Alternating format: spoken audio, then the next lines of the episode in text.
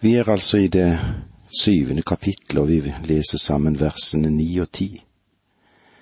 Deretter så jeg en skare så stor at ingen kunne telle den. Av alle nasjoner og stammer, av alle folk og tungemål.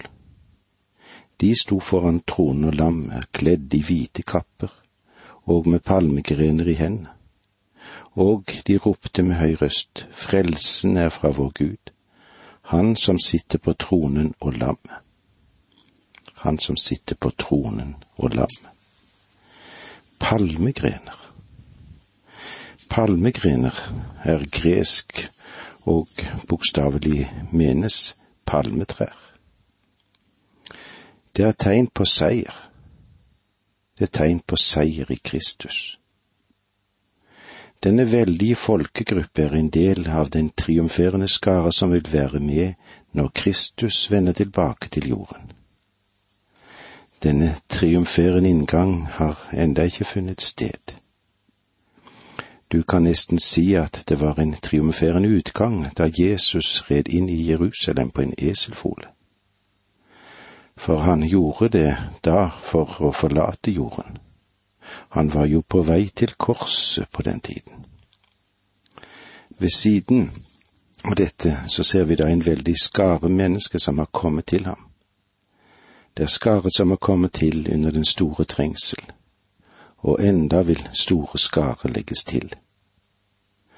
Når han så vender tilbake til jorden, vil denne store skare, som led martyriet for ham under den store trengselen, bli inkludert i den første oppstandelse, og de vil være der. Dette er et vidunderlig herlig bilde som tegnes opp for oss. Versene elleve og tolv. Alle englene som sto i en krets om tronen og de eldste, og de fire vesener, kastet seg ned for tronen med ansiktet mot jorden og tilba Gud og sa, Amen. All lov og pris og visdom, takk og ære, makt og velde tilhører vår Gud i all evighet. Amen. Dette er en utrolig og fantastisk scene der Gud tilbes av alle skapninger. Menigheten er der. Det gamle testamentets hellige er der. Og de hellige fra trengselstiden er der og nå slutter englene seg til denne veldige skaren. Det et par-tre ting som jeg gjerne vil si om englene. Jeg vil ikke utdype disse poengene, og jeg vil ikke strides med noen om dem. Men ingen steder i Bibelen blir det så uttrykkelig sagt at engler synger. Her er det det sier noe. Men det som er viktig å legge merke til, er at de øvrige, utenom englene da, priser Gud for sin forløsning. Frelsen er fra vår Gud, men englene, de nevner ikke det. De priser Gud for hans egenskap og hans godhet, men ikke for hans frelse. Hvorfor? De er syndefrie skapninger ikke forløste syndere.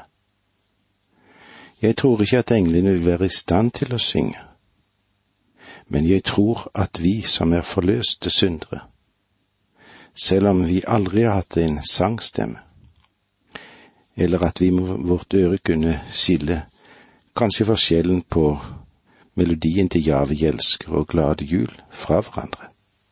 Men da, ja, da skal vi få lov til å være med og synge. Det er skrøpelig det jeg kan prestere nå, men da skal jeg få lov til å være med i de forløstes sang. Jeg håper det vi nå har foran oss her vil utvide og fordype både ditt og mitt syn og oppfatningsevne på hva himmelen vil komme til å bli. Det er mange mennesker som har et veldig innsnevret syn på himmelen og ser bare for seg sin lille gruppe, kanskje sitt lille kirkesamfunn eller sin menighet. Vel, Det skal også være andre forløste mennesker der ved siden av dem du vet om. Og jeg skulle så gjerne ønsket at Guds folk bedre lærte å leve sammen her nede på jorden. For vi skal leve i en evighet sammen når vi kommer hjem.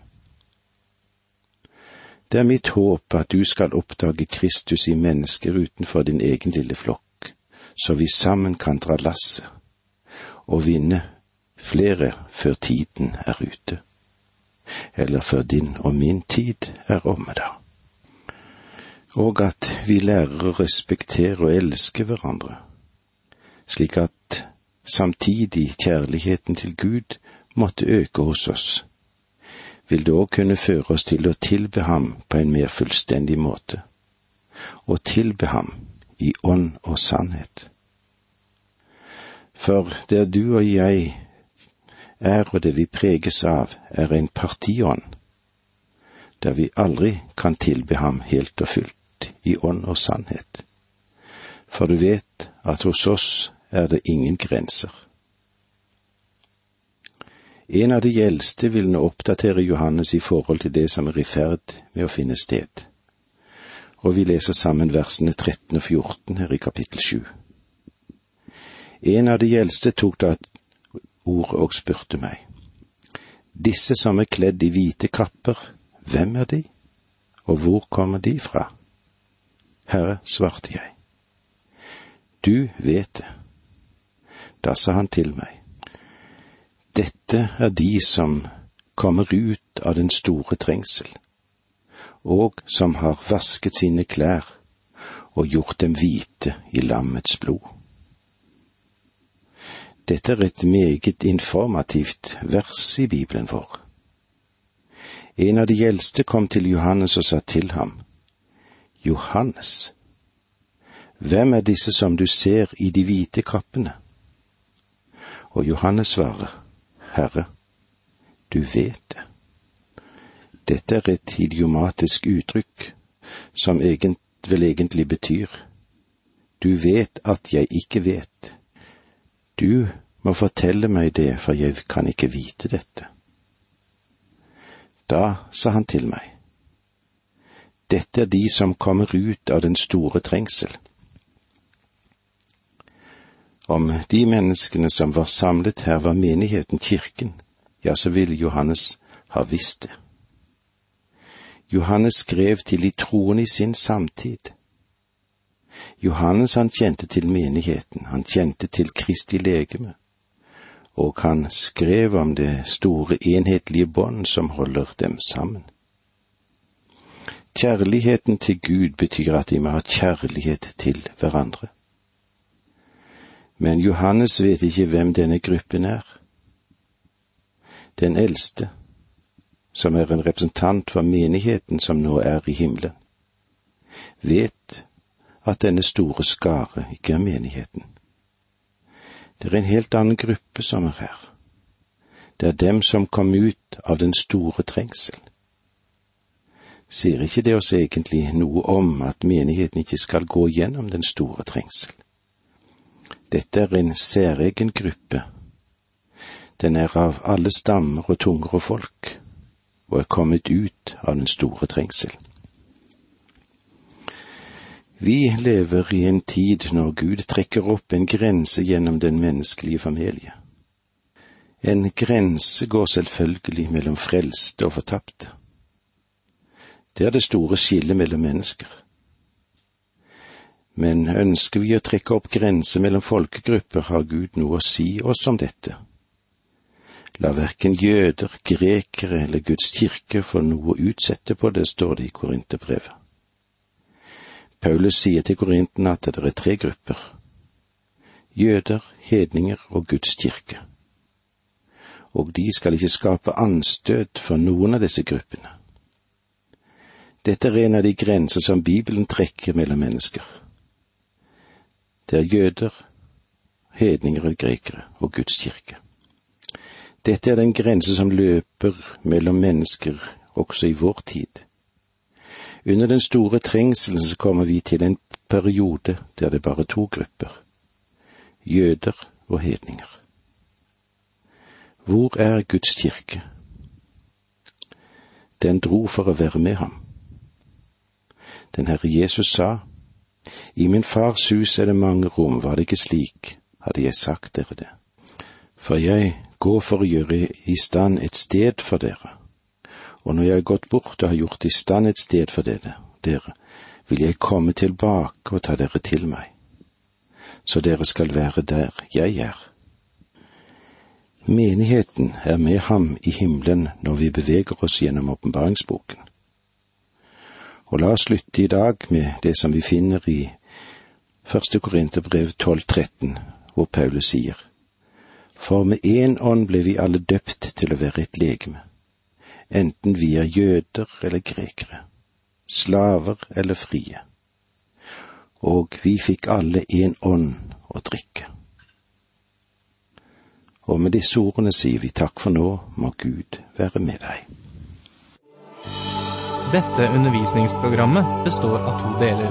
Åge Nevland fortsetter nå med andre del av dagens undervisning.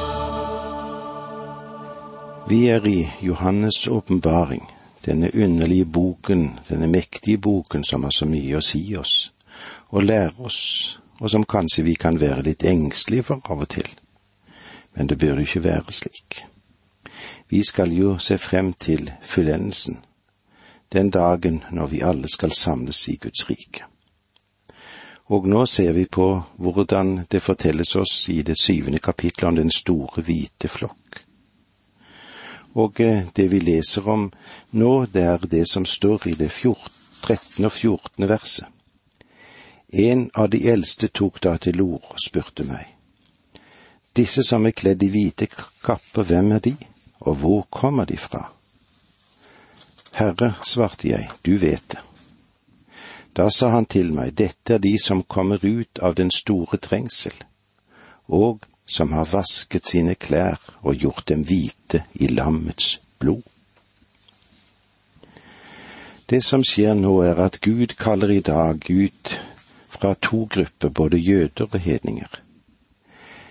Han kaller ut et folk for sitt navn som er annerledes, menigheten, og denne menigheten vil bli hentet ut av verden. Jeg liker ikke det inntrykket som en del gir i dagens samfunn, og det er et pessimistisk samfunn. At Gud på et eller annet vis svikter. Gud gjør nøyaktig det han sa han ville gjøre. At han i denne tidsalder ville kalle et folk ut av denne verden for seg selv.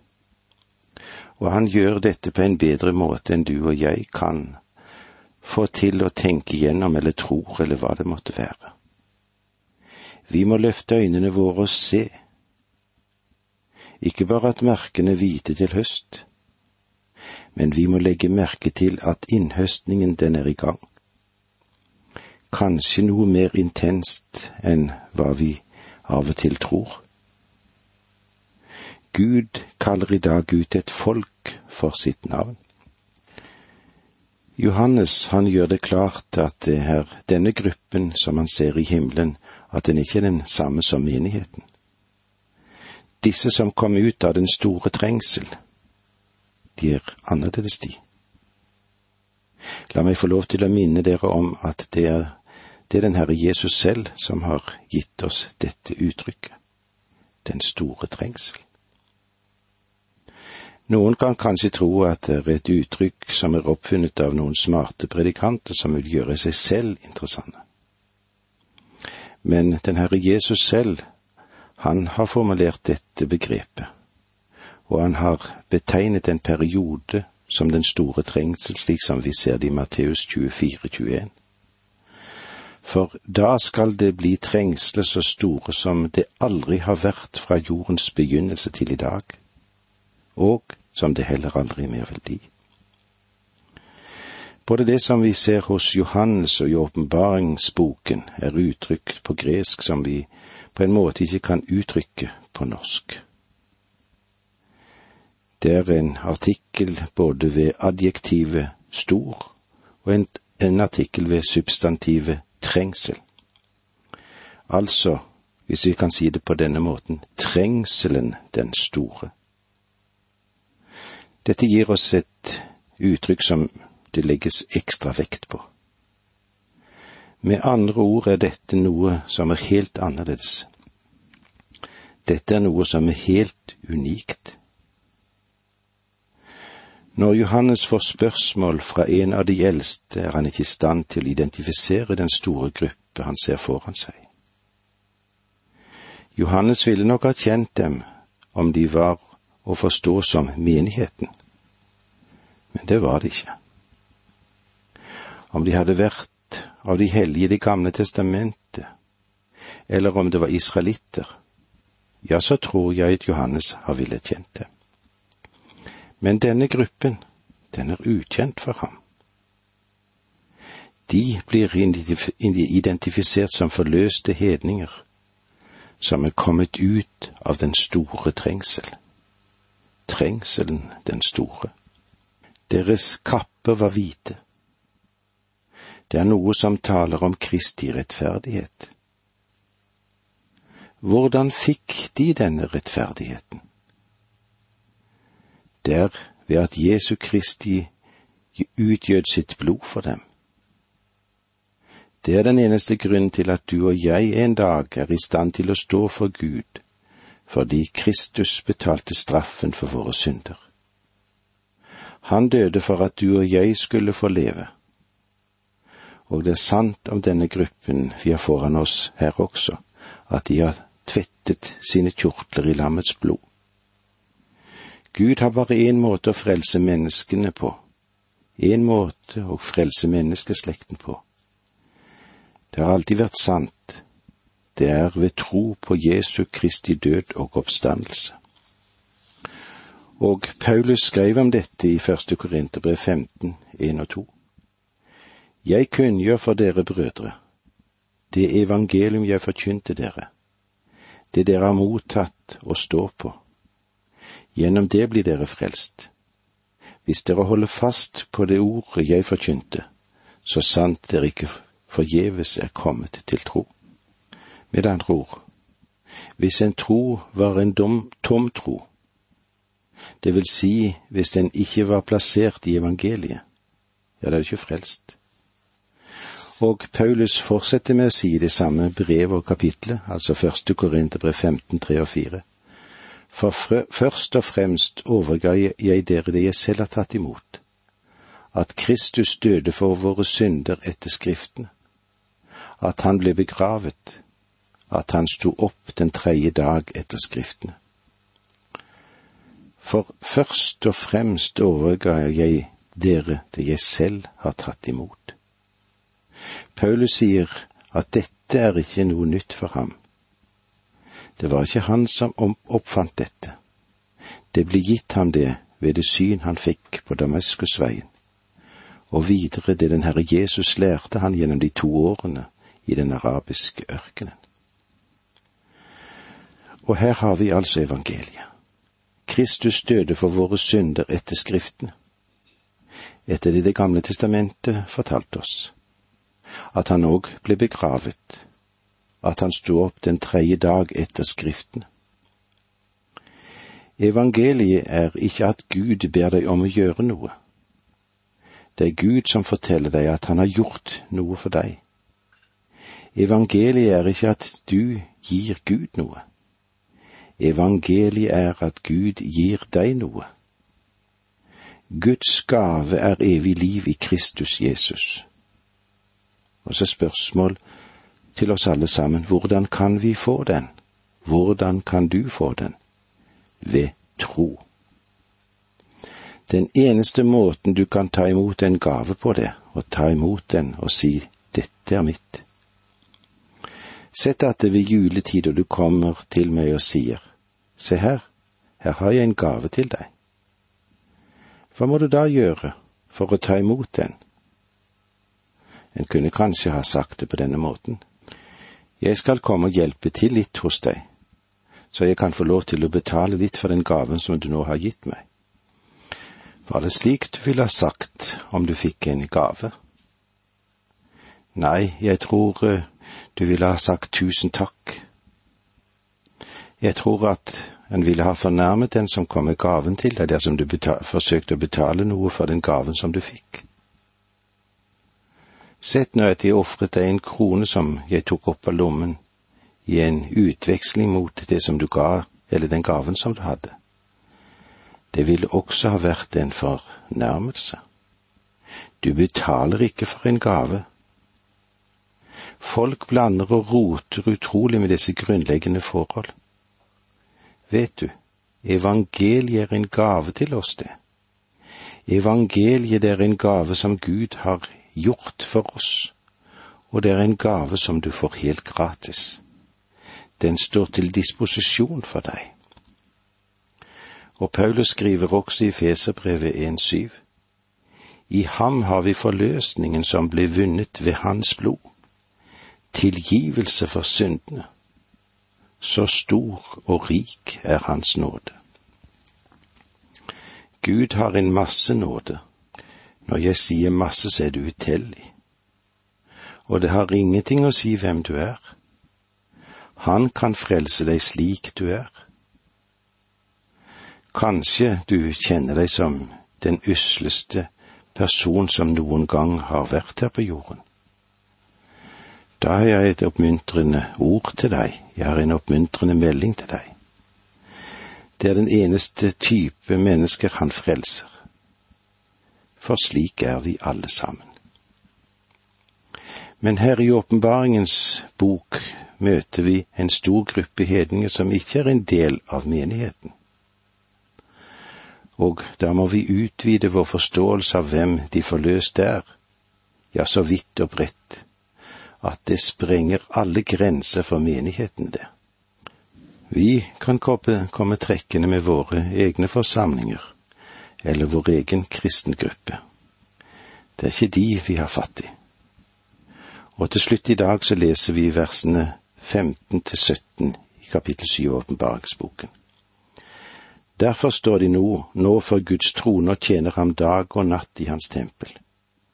Og han som sitter på tronen skal reise sin bolig over dem. De skal ikke lenger sulte eller tørste, og sol eller brennende hete skal ikke falle på dem.